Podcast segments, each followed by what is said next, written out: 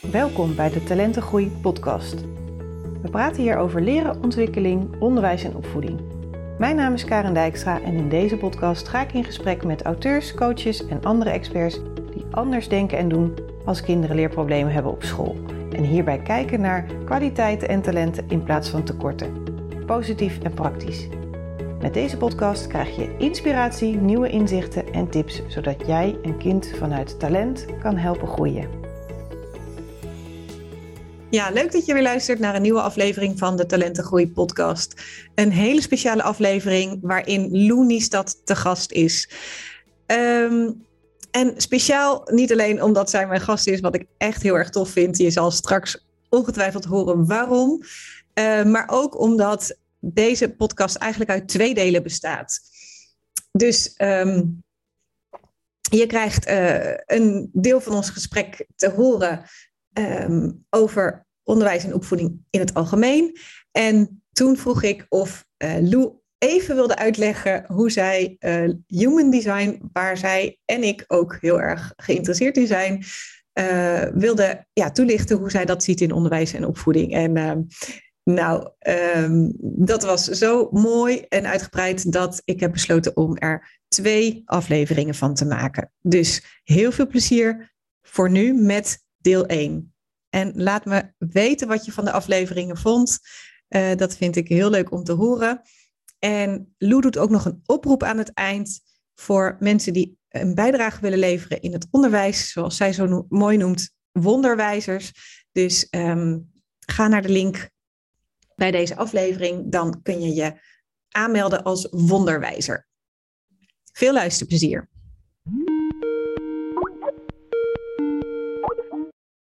Welkom bij een uh, nieuwe aflevering van de Talentengroei podcast. En eigenlijk moet ik zeggen, een podcast full of joy vandaag. Want te gast is Lou Niestad. Lou, heel hartelijk welkom. Superleuk dat je hier bent. Dankjewel. Superleuk om hier te zijn. Ja, ik uh, heb jou uh, onlangs gevraagd en uh, je zei volmondig ja. Absoluut. Heel erg leuk. En ehm, nou, wij kunnen van alles bespreken. Wat misschien wel leuk is om te vertellen, is dat ik eigenlijk op. Hoe zeg je dat? Op jouw pad ben terechtgekomen? Nee, andersom. Jij bent op mijn ja. pad terechtgekomen. ja, op elkaars pad. Ja, nou ja, door ja. een podcast. En, um, oh ja? Ja, van Nienke van der Lek ooit. Oh. En echt al jaren geleden. En uh, ja, ik vond het zo inspirerend om te horen hoe jij nou ja, naar het leven kijkt. Hoe, hoe jij jouw leven leeft. En hoe je kijkt naar de ontwikkeling van kinderen. Dat is natuurlijk ook mijn stukje. En ja, ik haakte daar helemaal op aan. En toen ben ik jou gaan volgen. En toen je vorig... Ja, wat is het? wat is het aan het begin van de corona gebeuren, de homeschool voor de Universal, Universal Laws. Ik ja, kan het allemaal soepeler uit. Universal Laws Homeschool. Ja, kijk. ja. Nou, dit is ja. dus één van de dingen die jij bent. Ik vind jou echt ook een kunstenaar in alle opzichten. In, in beeld, maar ook zeker in tekst. Echt de woordscombinaties die jij uh, weet te maken. Echt uh, super mooi om uh, overal dat te zien terugkomen. Oh, dankjewel. Ja, want ja, als ik kijk van wie is Lou? Uh, ik weet dat je die vraag vaak krijgt en dat ja. het lastig is om te beantwoorden. Want ik je vind bent die heel lastig om te beantwoorden, ja. Ja, want je bent schrijver, maar ook illustrator. Um, ja. Inspirator zeker. Inspirator, uh, onderwijzer, maar ook moeder en uh, nana, oma van vier kleinkinderen. Dus het, er zijn zoveel facetten van mijn leven wat ik allemaal uh, nou, ik ben mezelf en de rest doe ik, denk ik dan maar. Ja. Maar ja, het zijn altijd, ik vind het lastig om dat even zo kort samen te vatten in. Nou, dit, ik weet dat ook, het verandert ook altijd. Mm -hmm. Het is niet iets wat, wat vaststaat of zo. Het is altijd in beweging. Maar voor nu ben ik vooral schrijver, illustrator. Ik, ben net, ik heb net mijn laatste dingen ingeleverd voor, uh, nou, voor Pocketschool met Vrijheid, komt eraan. Mm -hmm. Daar ben ik met name mee bezig geweest. En um, ik, uh, dus daar, ik ben vooral nu veel aan het schrijven en aan het tekenen. En -hmm. ik sta sinds kort weer voor de klas. Dus onderwijs is een, uh, neemt nu een groot stuk van mijn denken en mijn inspiratie. En ik ben met Charlotte Labé bezig. Die heeft de stichting Your Brain Balance voor iedereen. Mhm. Om een fantastisch programma uh, over je brein en over mindfulness en over uh, al die fijne dingen die wij graag willen dat onze kinderen ook leren om dat in het onderwijs te krijgen. Dus we zijn op veel verschillende manieren bezig met onderwijs. Ja. En, um, en wel graag met het behoud van onze eigen vrijheid en onze eigen joy. Dus ja, dat, precies. die gaan als een soort van onderstroom mee. Ja, ja, want dat is echt, nou ja, als je aan Lou denkt, dan denk je aan inderdaad joy en vrijheid. Het is wel grappig, want ik heb nog een stukje van die podcast teruggeluisterd en daar kwam het ook al uh, in terug. Ja. En inmiddels heb je natuurlijk uh, de pocket vol met joy. Uh, die bestaat al, hij ligt ook... die bestaat al, ja. Die bestaat al. En de ja. pocket vol met vrijheid is, is onderweg in de maak. En, in de maak. Ja, en ja, super tof dat je weer voor de klas staat ook. En, ja ik, want jij bent ooit begonnen in het onderwijs. Ehm, ik ben ooit begonnen in het onderwijs toen mijn kinderen klein waren en ik nog als model werkte. Toen dacht ik, en ik zorgde alleen voor mijn kinderen. Of tenminste, mm ik zorgde natuurlijk nooit alleen, maar ik, ik was zelf met mijn uh, kinderen, maar je bent nooit alleenstaand of nooit, je bent er staat natuurlijk nooit alleen voor. Mm Dus een beetje een foute term. Maar um, uh, ik woonde met mijn kinderen alleen. En um, toen dacht ik, ja, alles wat ik naar het modellenwerk ga doen, dat zal, daar zal ik uh, misschien wel fulltime voor moeten werken.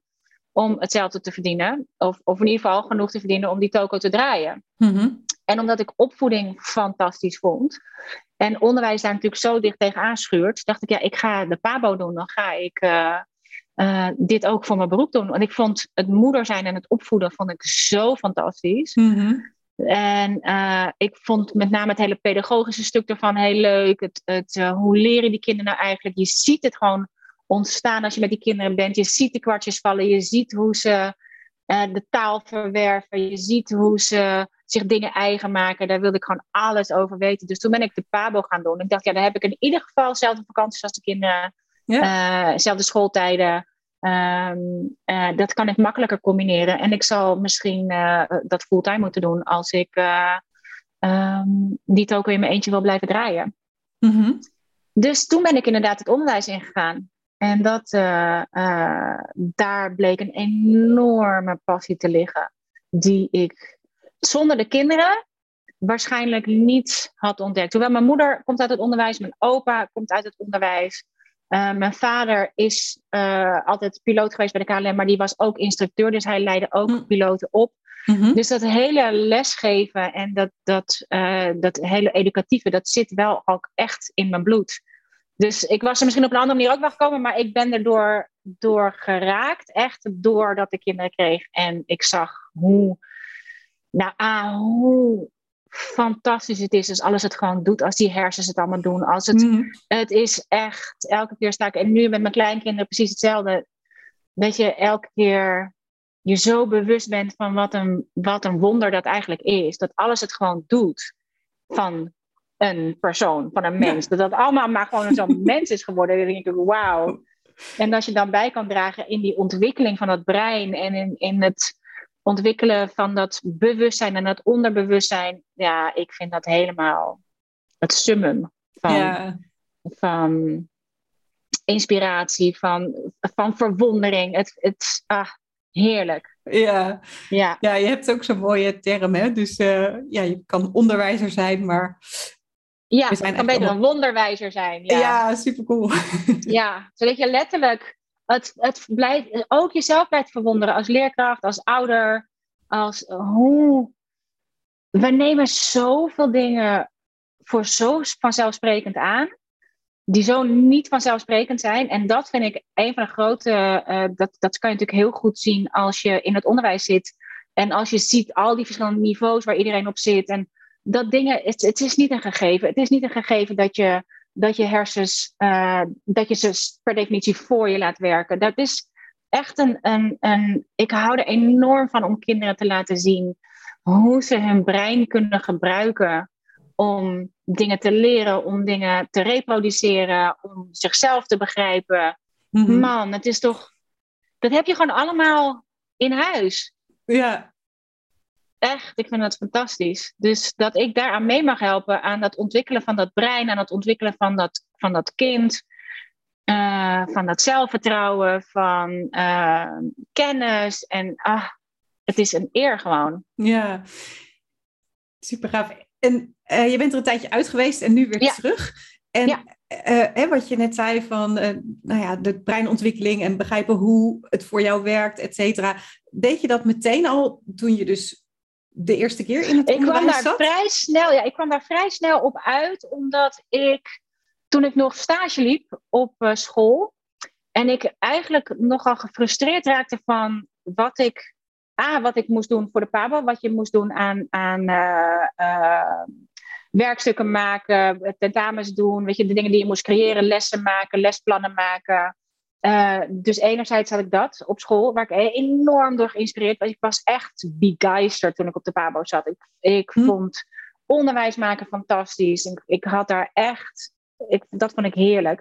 Vervolgens had je natuurlijk op school ook de methodes waar je mee moest werken en waar ze, hè, die ze, wat je ze allemaal moet aanleren. Mm toch relatief de beperkte tijd die je hebt om dat allemaal te doen. En ik had zoveel ideeën over dingen die ik wilde doen met de kinderen.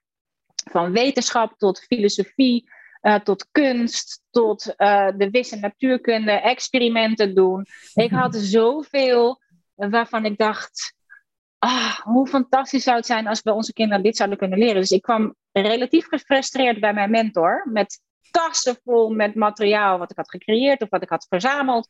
En ik zei, ik weet niet, dit is wat ik wil doen met die kinderen. Mm-hmm. En uh, enerzijds kan ik het kwijt in het maken van het onderwijs. Uh, maar anderzijds kan ik het niet goed kwijt in de klas. Want daar is het, de, de, tijd relatief beperkt. En daar zijn al allemaal methodes waar we mee werken. Ja. En hij keek naar me en hij zei, wat jij daar hebt... Dus ik vertelde hem wat ik allemaal bij me had. Hij zegt, dat is meervoudige intelligentie. Dat is de Mm. meervoudige intelligentietheorie van Howard Gardner. En daar had ik nog nooit van gehoord. Hm. Maar dat was voor mij zo'n kapstok. En dat ging, was eigenlijk al de... eh, de ingang naar dat brein en hoe we allemaal op verschillende manieren leren. Ja. En kennis tot ons nemen en, en de wereld om ons heen begrijpen. Dus die meervoudige intelligentietheorie was voor mij echt een fantastische kapstok. Want ik kon ineens, ik kon sowieso alle vakken die ik zelf op de PABO kreeg, aan elkaar koppelen. En ik dacht, ik zag ineens daardoor ook de overlap tussen al die vakken. Mhm. ik, ja, ik kan het allemaal gefragmenteerd gaan creëren. Maar kan ik het ook zo creëren dat het allemaal met elkaar te maken heeft en dat ze al die verschillende intelligenties aanspreken? Ja. Kan ik het zo creëren in de klas, als ik toch die methode moet gebruiken? Oké, de leerlijn is eh, veilig, de kerndoelen zijn veilig, er is over nagedacht over dat onderwijs, dus ik, maar het is wel gefragmenteerd.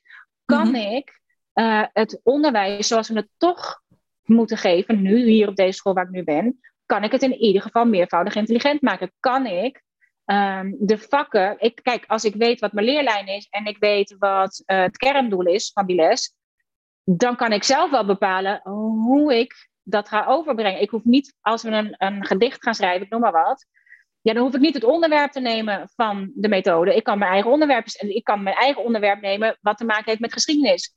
Of wat te maken heeft met de biologieles waar we mee bezig zijn. Ik kan zelf bepalen hoe ik die linken kan leggen tussen de verschillende vakken. Dus Mhm. enerzijds op de PABO, anderzijds op school.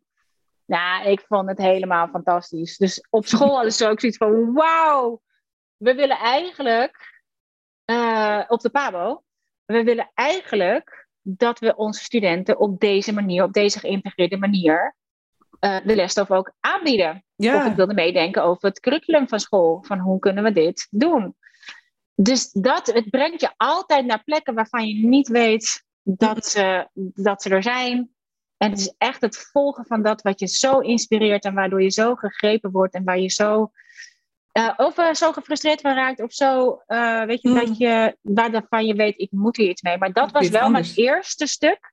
Mhm. Ehm, wat te maken had met dat brein en hoe we die kennis vergaren en hoe wij eh, allemaal op een unieke manier ehm, de wereld begrijpen. En hoe ik ze dus kan helpen Mhm. om, als ik weet hoe jij de wereld begrijpt, dan kan ik je alles laten begrijpen. als ik jouw belevingswereld mee kan nemen en als ik jou, uh, jouw meest ontwikkelde intelligentie kan aanspreken. Ja. Dus dat vond ik echt fantastisch. Mm En van daaruit ben ik doorgestroomd uiteindelijk naar het. Uh, toen ben ik gevraagd om een plusklas te, uh, op te zetten voor de school waar ik werkte inmiddels. Ja. En uh, die zat, was een stichting met zeven scholen. En of ik voor die zeven scholen de hoogbegaafde of de zeer slimme leerlingen één dag in de week uh, een plusklas voor wilde organiseren. Dus daar lesmateriaal voor maken. Dat was natuurlijk ook allemaal in dat brein.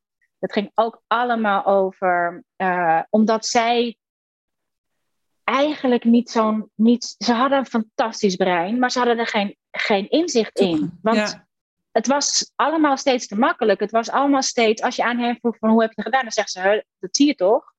Ja, ze hebben geen idee. Ja, gewoon. Ja. Voor hen is dat gewoon, het antwoord is meteen instant. Ja. Ze hebben geen, maar dat, blijft natuurlijk niet zo als je op een gegeven moment op je niveau terechtkomt. Als je naar de, weet ik wel, VWO of het gymnasium gaat. Mhm. En je komt op, een, op je eigen niveau terecht. Dan is de kans ook heel groot dat je het niet meer zomaar in één keer ziet. Soms misschien zelfs pas op de universiteit. Maar er komt een moment dat je dat niet meer in één keer ziet. En dan heb je geen idee wat je moet doen. Dus met hen die leerstrategieën blootleggen van hoe heb je het opgelost. De dingen aanbieden waarvan ze het niet meteen kunnen reproduceren, waar ze echt hun lange termijn geheugen van moeten gebruiken, waar ze echt een strategie op moeten loslaten. Nou, dat vond ik ook fantastisch. Hmm. En die kwartjes die je ziet vallen bij die kinderen, dat, dat vind ik, hoe ze zeggen dat het onderwijs niet zo goed betaalt, maar het betaalt fantastisch als je die, als je die kwartjes telt. Oh, ja. Als je dat telt, dat je, je ziet gewoon die lichtjes aangaan, je denkt echt, wauw, dit is echt, nou, vervulling. Ja, Hey, heb je dat ook gedaan, dat curriculum uh, dus verder ontwikkelen, zeg maar, voor de hele... Uiteindelijk, uh, nee, ze hadden, dat hebben ze me gevraagd en ze hebben me een, gelijk baan aangeboden op de PABO om daar, um, ja. Uh, ja, ja, om, de, om daar de sectie beeldende vorming, want ik gebruik de beeldende vorming heel veel als lijm tussen al die vakken. Mm. Omdat je daarmee zo goed um, dingen letterlijk uit kunt beelden en alvast kunt, je kunt letterlijk alles creëren. Ja. Dus beeldende vorming gebruikte ik heel veel om, uh, om andere dingen beter te begrijpen. Maar ik wilde, toen ben ik eerst, de, dacht ik, ja, maar weet je, ik, ik wil eigenlijk ook wel gewoon eerst in dat veld. Mm Ik wil eigenlijk wel eerst gewoon voor de klas, want ja, dat heb ik nu alleen maar als stagiair gedaan. Mm. Maar als ik meteen uh, op de PABO-les ga geven aan leerkrachten en ik heb zelf niet lang genoeg in dat veld gestaan, dan vind ik dat de beste stuurlui toch een beetje aan wal staan. Ja. En um, we hebben niet, we, uiteindelijk hebben we er niet heel specifiek voor gezeten. Ze hebben mijn meervoudige intelligentie, ik heb er mijn, mijn scriptie over geschreven.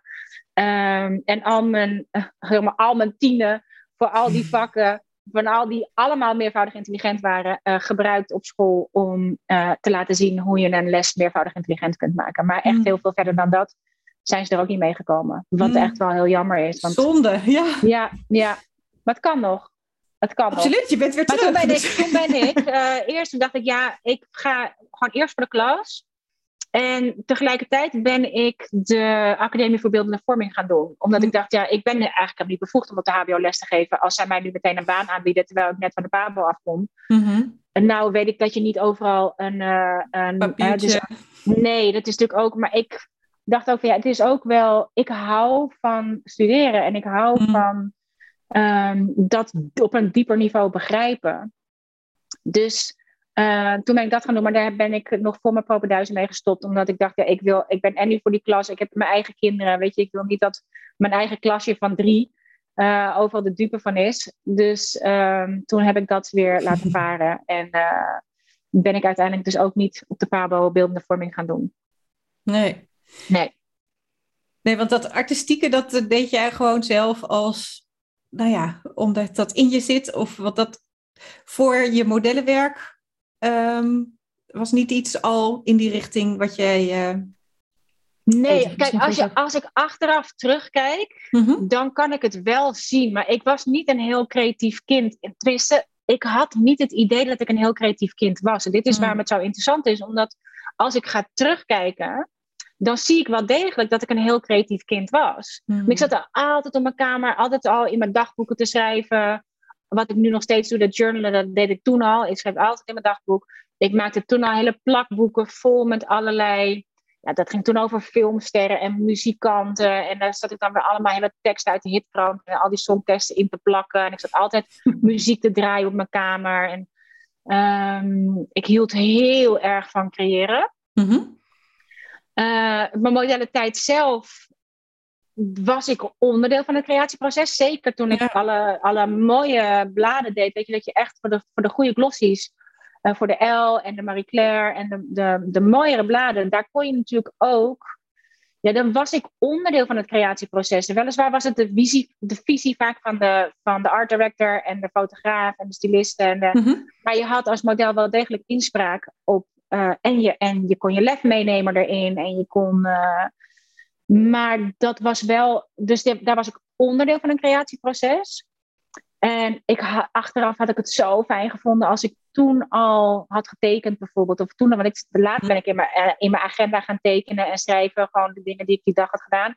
Als ik dat in woord en beeld had vastgelegd, had ik echt wel heel leuk gevonden om dat nu nog te hebben. En ik smulde vroeger altijd van de, uh, van de boekjes die de stylisten toen nog maakten. Want toen deden we alles nog met Polaroid. Nu wordt natuurlijk heel veel mm. digitaal geschoten. Ja. En die maakten dan van die Polaroids, ik knipte die Polaroids uit en dan maakte ze zo'n heel boekje van. En dan hadden we zo'n heel. Weet je, dat, ik vond dat het allerleukste eigenlijk nog, nog leuker dan wanneer het uiteindelijk in het blad stond. Maar dan maakten zij met die Polaroids aan een soort spreads, zoals het ook in het, uiteindelijk in het, uh, in het tijdschrift moest komen. Mm Die vond ik het allerleukst. En die art directors hadden altijd van die fijne handschriften. En uh, dat vond ik super inspirerend. Ja, en daar heb je ook echt wat mee gedaan. Want je, je hebt daar, ja. En maar natuurlijk pas veel later. Hmm, maar later, als ik daar later, als ik daar naartoe terugkijk, dan zie ik precies waar de inspiratie is ontstaan. Ja. En dat vond ik ook toen ik uh, echt als tiener helemaal weg was van tijdschrift De Club. En daarin had je uh, Piens dagboek. Mm -hmm. En dat werd getekend en getypt en ik vond dat zo inspirerend. En zij ging altijd allemaal dingen maken voor de kamer, dus die ging ik ook allemaal maken. Oh ja. en nu, als ik daar naartoe terugkijk, dan zie ik ook heel goed hoe dat mijn, mijn inspiratie onbewust. En dit is waarom zoveel dingen bij ons onbewust liggen, waar we gewoon helemaal. Er ligt goud verborgen in jezelf als je dat gaat opgraven. Op, hoe dat eigenlijk heel onbewust een, een uh, inspiratie is geweest voor mijn latere werk. En op de modevakschool ben ik gaan doen. En daar was ik echt, jongen, die, die mode-illustraties, nou, dat, ik kon er gewoon niet aan. ik, daar keek ik naar en ik dacht, ik ging gewoon van kwijt. Ik had gewoon, weet je, dat je zo die bladzijde wil linken gewoon. Het is zo lekker. En ik dacht, ja, dat kan ik echt never ever, jongen, dat ik dat... En er zaten echt zulke fantastische dingen tussen. En dat was heel subtiel met een paar lijnen. En dan kon je alles zien. En ik dacht, hoe doen ze dit? Mhm. Ik ben mateloos door geïnspireerd. Ja. Maar ik ging die kleding maken. Want ik dacht, oké, oh ja. Want, dus dat inspireert me, maar het was... Ja, en als ik dan, net als dat bij Piens klussenklapper, bij het dagboek van Pien zat altijd die mhm. klussenklapper. Ik ging maken waar zij over schreef en wat mhm. zij deed. Dus ik dacht dat daar de inspiratie in lag. Net als op de modevakschool. Ik ging die kleding maken en ontwerpen, maar de, de, de echte diepe inspiratie zat in die illustraties. Mhm. En dat waren allemaal dingen waarvan ik dacht, ja, nou, maar dat kan ik echt niet. Of dat is, iets, dat, is niks, dat is niet iets wat ik kan. Het, was, het mhm. kwam gewoon niet in me op dat het iets was wat je ook kon doen. Mhm. Ik vond het zo inspirerend dat ik niet kon bedenken. Dat, dat, ik kon gewoon niet bedenken dat het iets was wat je kon proberen. Heel gek. Ja. Dus, ik, maar, dus altijd als ik ga kijken naar wat heeft me nou echt geïnspireerd, dan zijn, als ik dat terug ga kijken, dan zie ik dat dat door mijn hele leven als een soort van rode draad loopt. Altijd illustraties, teksten, uh, handschriften. Ik zat altijd mijn eigen agenda helemaal vol te kliederen met mooie letters en altijd aan het doodelen. Dus ja, als ik terugkijk, dan zie ik precies waar dat uh, is ontstaan. Ja. ja, en als je nu fast forward, dan de, nou ja, het, als buitenstaander lijkt het net of alles ongeveer zo uit je uh, pen rolt, zeg maar. En ja, je hebt drie boeken uitgebracht. Ja. En ook de, hè, de pockets die zitten ook vol um, met handgeschreven uh, dingen en mooie tekeningen. En um, ik zeg nu heel simpel drie boeken uitgebracht, maar uh, ik heb ook een boek geschreven en nou ja, dat is eigenlijk getypt en hè, dat wordt gedrukt. Maar jouw boeken zijn volledig handgeschreven en um, ook nog in allemaal mooie lettertypes. En, letters, ja, echt, Nou ja, echt. Uh... Nou, Pockets for Joy en Pockets for Vrijheid zijn getypt. Hè. De, alleen de illustraties zijn, handgeschreven, ja, zijn handgetekend en de teksten bij de illustraties zijn handgeschreven. Maar de rest mhm. is inmiddels getypt, omdat het ook voor heel veel mensen makkelijker is om te lezen. Mhm. Uh, dan handgeschreven. We zijn niet meer zo gewend om handschriften te lezen. Ik merk het mhm. ook nu in de klas. Hoe dat handschrift hardhollend achteruit gaat. Dat ik echt denk, nee, nee, nee, nee. Dat is zo belangrijk. Nee, nee, nee, nee. Ja, want je, je tapt letterlijk uit een ander vat van je brein. Ja. Je tapt, ik merk het ook met schrijven. En zo is bijvoorbeeld al het lesmateriaal wat ik maakte toen ik op de Pabo zat, maar ook nu weer. Mm Dat deed ik altijd typend. Mm. Er komt in ander, er vloeit een andere, een, een, een soort, bijna een soort zakelijkere toon of zo. Of, mm of een, een, een, geen idee. Het is een hele andere tone of voice dan wanneer ik met mijn hand schrijf in mijn journal bijvoorbeeld. Mhm. Ik hou andere dingen op de pagina met mijn pen dan die ik al typen. En al typend, omdat ik dat veel sneller kan dan schrijven, mhm. kan ik daar soms ook het meest verbaasd over zijn. Dat ik denk, ik, ik kan echt lesmateriaal terugkijken van wat ik heb gecreëerd door de Pabo. Dat ik mhm. echt denk, wauw, alsof het helemaal niet van mij is. Weet je dat je echt, en dat deed ik heel vaak s'nachts, want dan lagen de kinderen te slaan. Weet je waarom? Ik had natuurlijk mijn eigen gezin en mijn eigen kinderen. Vond ik het heerlijk als het zo heel rustig was. Mhm. En dan, uh, toen deed ik dat nog s'avonds laat. Later ben ik gaan schrijven, heel s morgens vroeg.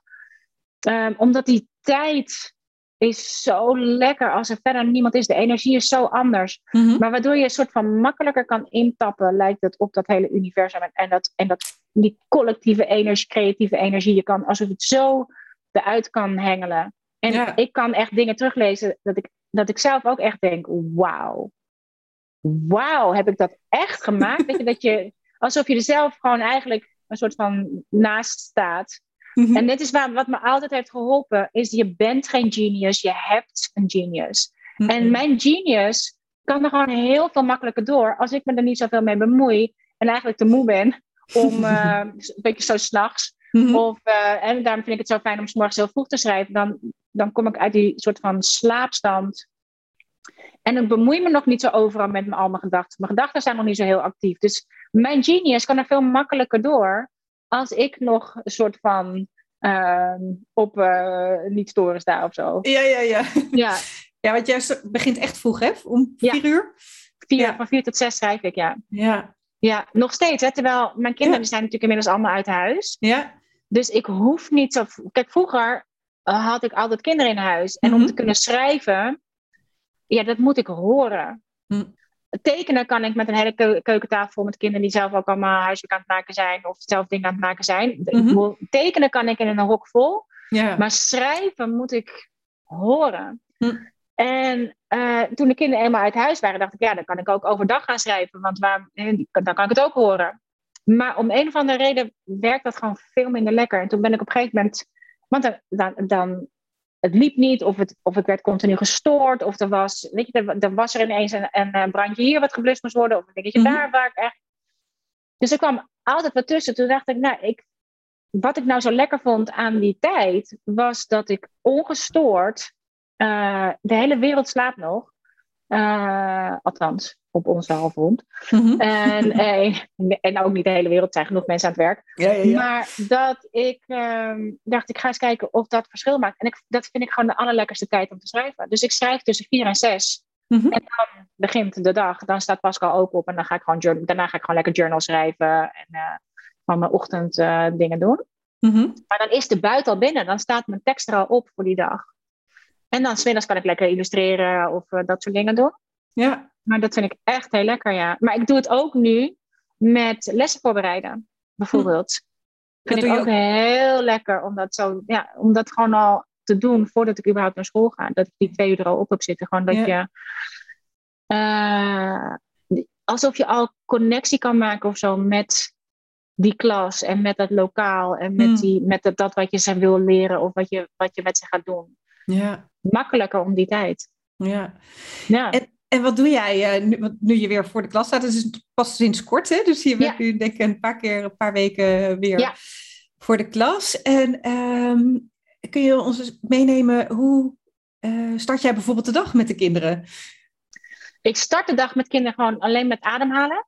Gewoon mhm. eventjes, ze komen bij mij op maandag komen ze van gym.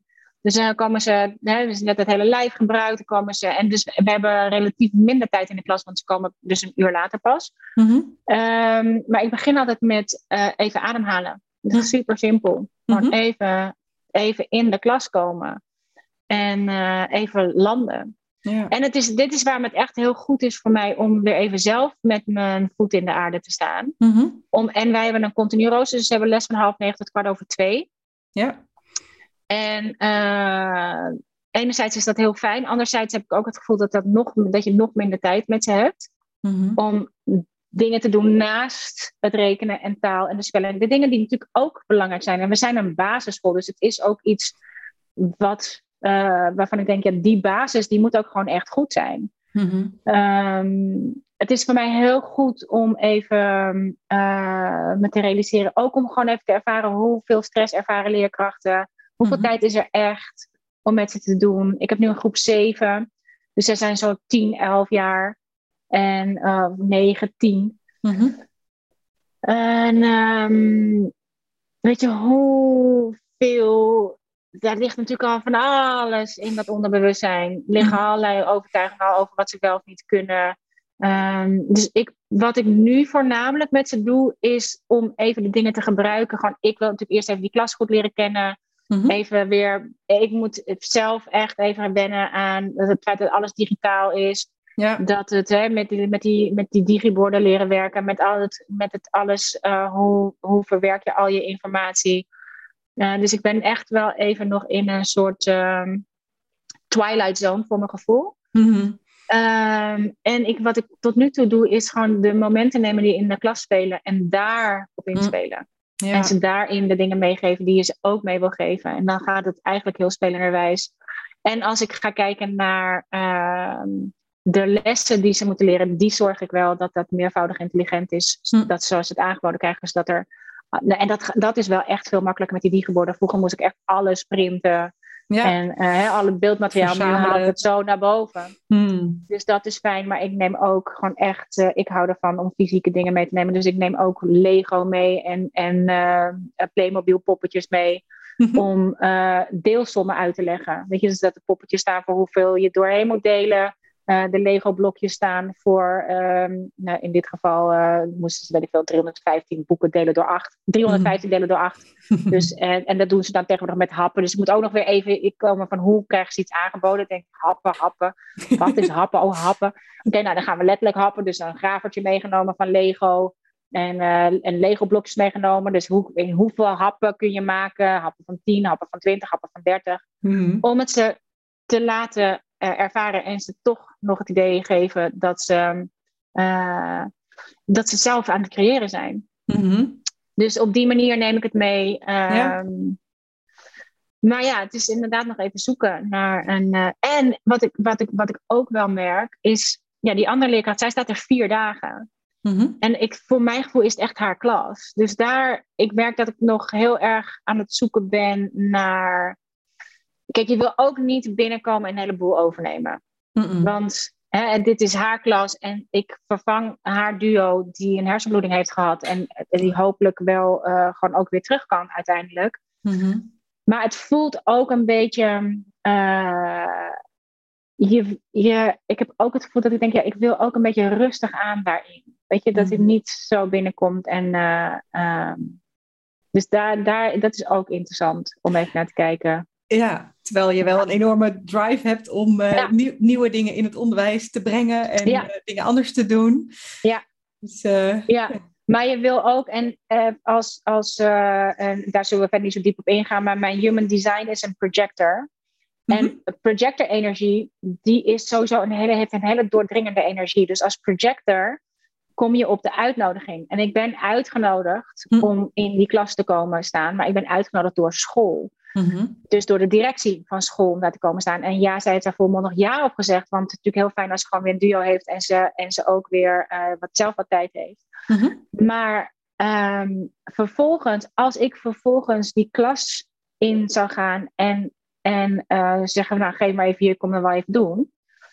dat is een energie die, is te, die kan te doordringend zijn voor de ander. En het laatste wat je wil is dat de ander natuurlijk uh, af gaat zetten. Ja. Want je kan, en dat, nou ja, dat is natuurlijk in het onderwijs sowieso, je kan een behoorlijke bedreiging zijn voor leerkrachten. ja, mhm. dit is ook als, uh, als er nieuwe leerkrachten op school komen die nog helemaal zo enthousiast en, en geïnspireerd zijn. Mhm. Hoeveel leerkrachten denken, nou, wacht maar.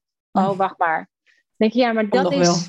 Dat komt nog wel. En dat is. Ehm, ik, ik weet, en nu ik weet dat ik een projector ben en ik dus die energie heb, mhm. wil ik daar ook echt wel rekening mee houden. Mhm. Dat ik wel op, ook op haar uitnodiging blijf komen. Dus dacht, geef me eerst maar gewoon even tot de kerst. Dan, en daarna ga ik waarschijnlijk naar twee. Ik ben nu begonnen met één dag. Mhm. Ehm, en, en, vaak een andere dag even met haar meelopen. Gewoon om even te kijken van hoe bieden ze dat tegenwoordig aan. Weet je, welke instructie geef je? Hoe, hoe doen ze dit rekenen? Het is allemaal weer helemaal anders. Um, en dat ik, ik denk dat het, ik, ik wil het niet in één keer toe-eigenen, als je snapt wat ik bedoel. Ik denk, ja, mhm. het, is, het voelt wel echt als haar klas. En ehm, dat ik dat nou rustig aan uh, ga opbouwen. Maar ik mis wel het gevoel van echt je eigen klas hebben. En die kinderen, uh, maar dat is, ja, dat is nu een beetje. Uh, het, ik, ik, wil met name, kijk, ik kom natuurlijk ook met name echt om haar te ontlasten van die druk van het ineens allemaal in de eentje moeten doen. Ja. Ehm, en uh, ook, ze waren heel gek op die andere juf die nu, uh, die nu nog in het revalideren is. Mhm. Dus ik merk dat ik voorzichtig ben in uh, de boel overnemen, als je snapt wat ik hmm. bedoel. Dat ik denk, ja. oh ja, even ehm, pas op de plaats maken. Ja. Dus ik, ik doe dat um, als gewoon tussendoor. Hm. Snap je? je sell them what they want, give them what they need. Hmm. Is het eigenlijk. Oké, dit is wat we gaan doen. Uh, dit, is wat we, um, dit is wat je onbewust meekrijgt. Mm maar daar hou ik ook van. Ja, ja zeker. Ja. Ja. ja, je noemt even human design. Um, kan goed zijn dat mijn luisteraars daar nog nooit van gehoord hebben. Ik heb dat ook pas een tijdje geleden uh, ontdekt. Of in die zin, het kwam een aantal keer al langs. En ja, ik ben super geïnteresseerd in uh, persoonlijke ontwikkeling op, hè, voor mezelf, voor mijn kinderen, voor nou ja, hè, wat, ik, uh, wat ik zelf ook doe. En, um, maar ja, dan op een gegeven moment denk je ook van ja, er zijn zoveel dingen. Dus ik vind alles leuk om me erin te verdiepen op zich. Um, en het kan zomaar zijn, maar dat kan ik eigenlijk niet meer terughalen. Maar dat jij er ook hè, iets over zei in een van jouw live sessies die ik graag volg. Uh, en dat ik toen dacht, nou, ga toch even kijken. En ik vind het zo waanzinnig interessant. Het is heel interessant. Ja, echt. Want hè, ik leg vanuit mijn um, stukje al aan de kinderen uit van, nou, hè, hoe, hoe werkt het in je brein? En hè, je hebt, nou ja, dat is eigenlijk meer eh, NLP gerelateerd, hè, hoe mijn insteek was, is. maar met dit denk ik, ja, dit is eigenlijk nog weer een laag uh, dieper en hè, nog meer vanuit uh, ja, wie je echt bent zonder uh, ja, de conditionering die er nou eenmaal gewoon is door ja. hè, onderwijs, opvoeding, de maatschappij, nou ja, alles om ons heen, zeg maar. Maar zou jij daar wat over willen vertellen over human design? Wat is het? Over human design, ja. Het is, Ik vind het altijd wel lastig, omdat het zo complex en groot is, om mhm. het even in een, in een um, uh, echt goed en overzichtelijk uit te leggen. Zodat je er ook iets mee kan. Want het is echt wel een. Um, uh, ja, ik vind het ook echt waanzinnig interessant. En het heeft me heel veel, met name het voor mij als projector, wat, wat zo, en ja, voor jou als manifester. Mm hè, dus dan, dan zitten we al in, gelijk in termen waarvan je luisteraars denken: ja. Wat? Waar hebben jullie het over? Ja, misschien, nou, Lou, is het uh, toch even de vijf uh, basistypes, uh, of je die kan benoemen. En hè, volgens mij wat jij ook graag wil, is um, wat zo mooi is als je dit weet als ouder of als leerkracht. En je weet, al zou je maar een mini-mini beetje inderdaad daarvan weten uh, van je eigen kinderen of de kinderen in je klas, dat je ze dan ook alweer op een andere manier kan benaderen of hè, snapt uh, ja, hoe het voor hen werkt en hen daarin kan begeleiden, zeg maar. En misschien om het heel praktisch te maken, hoe doe jij dat met je eigen kleinkinderen wellicht? Want die zitten nog dichterbij dan je kinderen, want die zijn natuurlijk ja. twintigers, hè, je dochters. Ja, ja, ja. is dat een idee? Ja,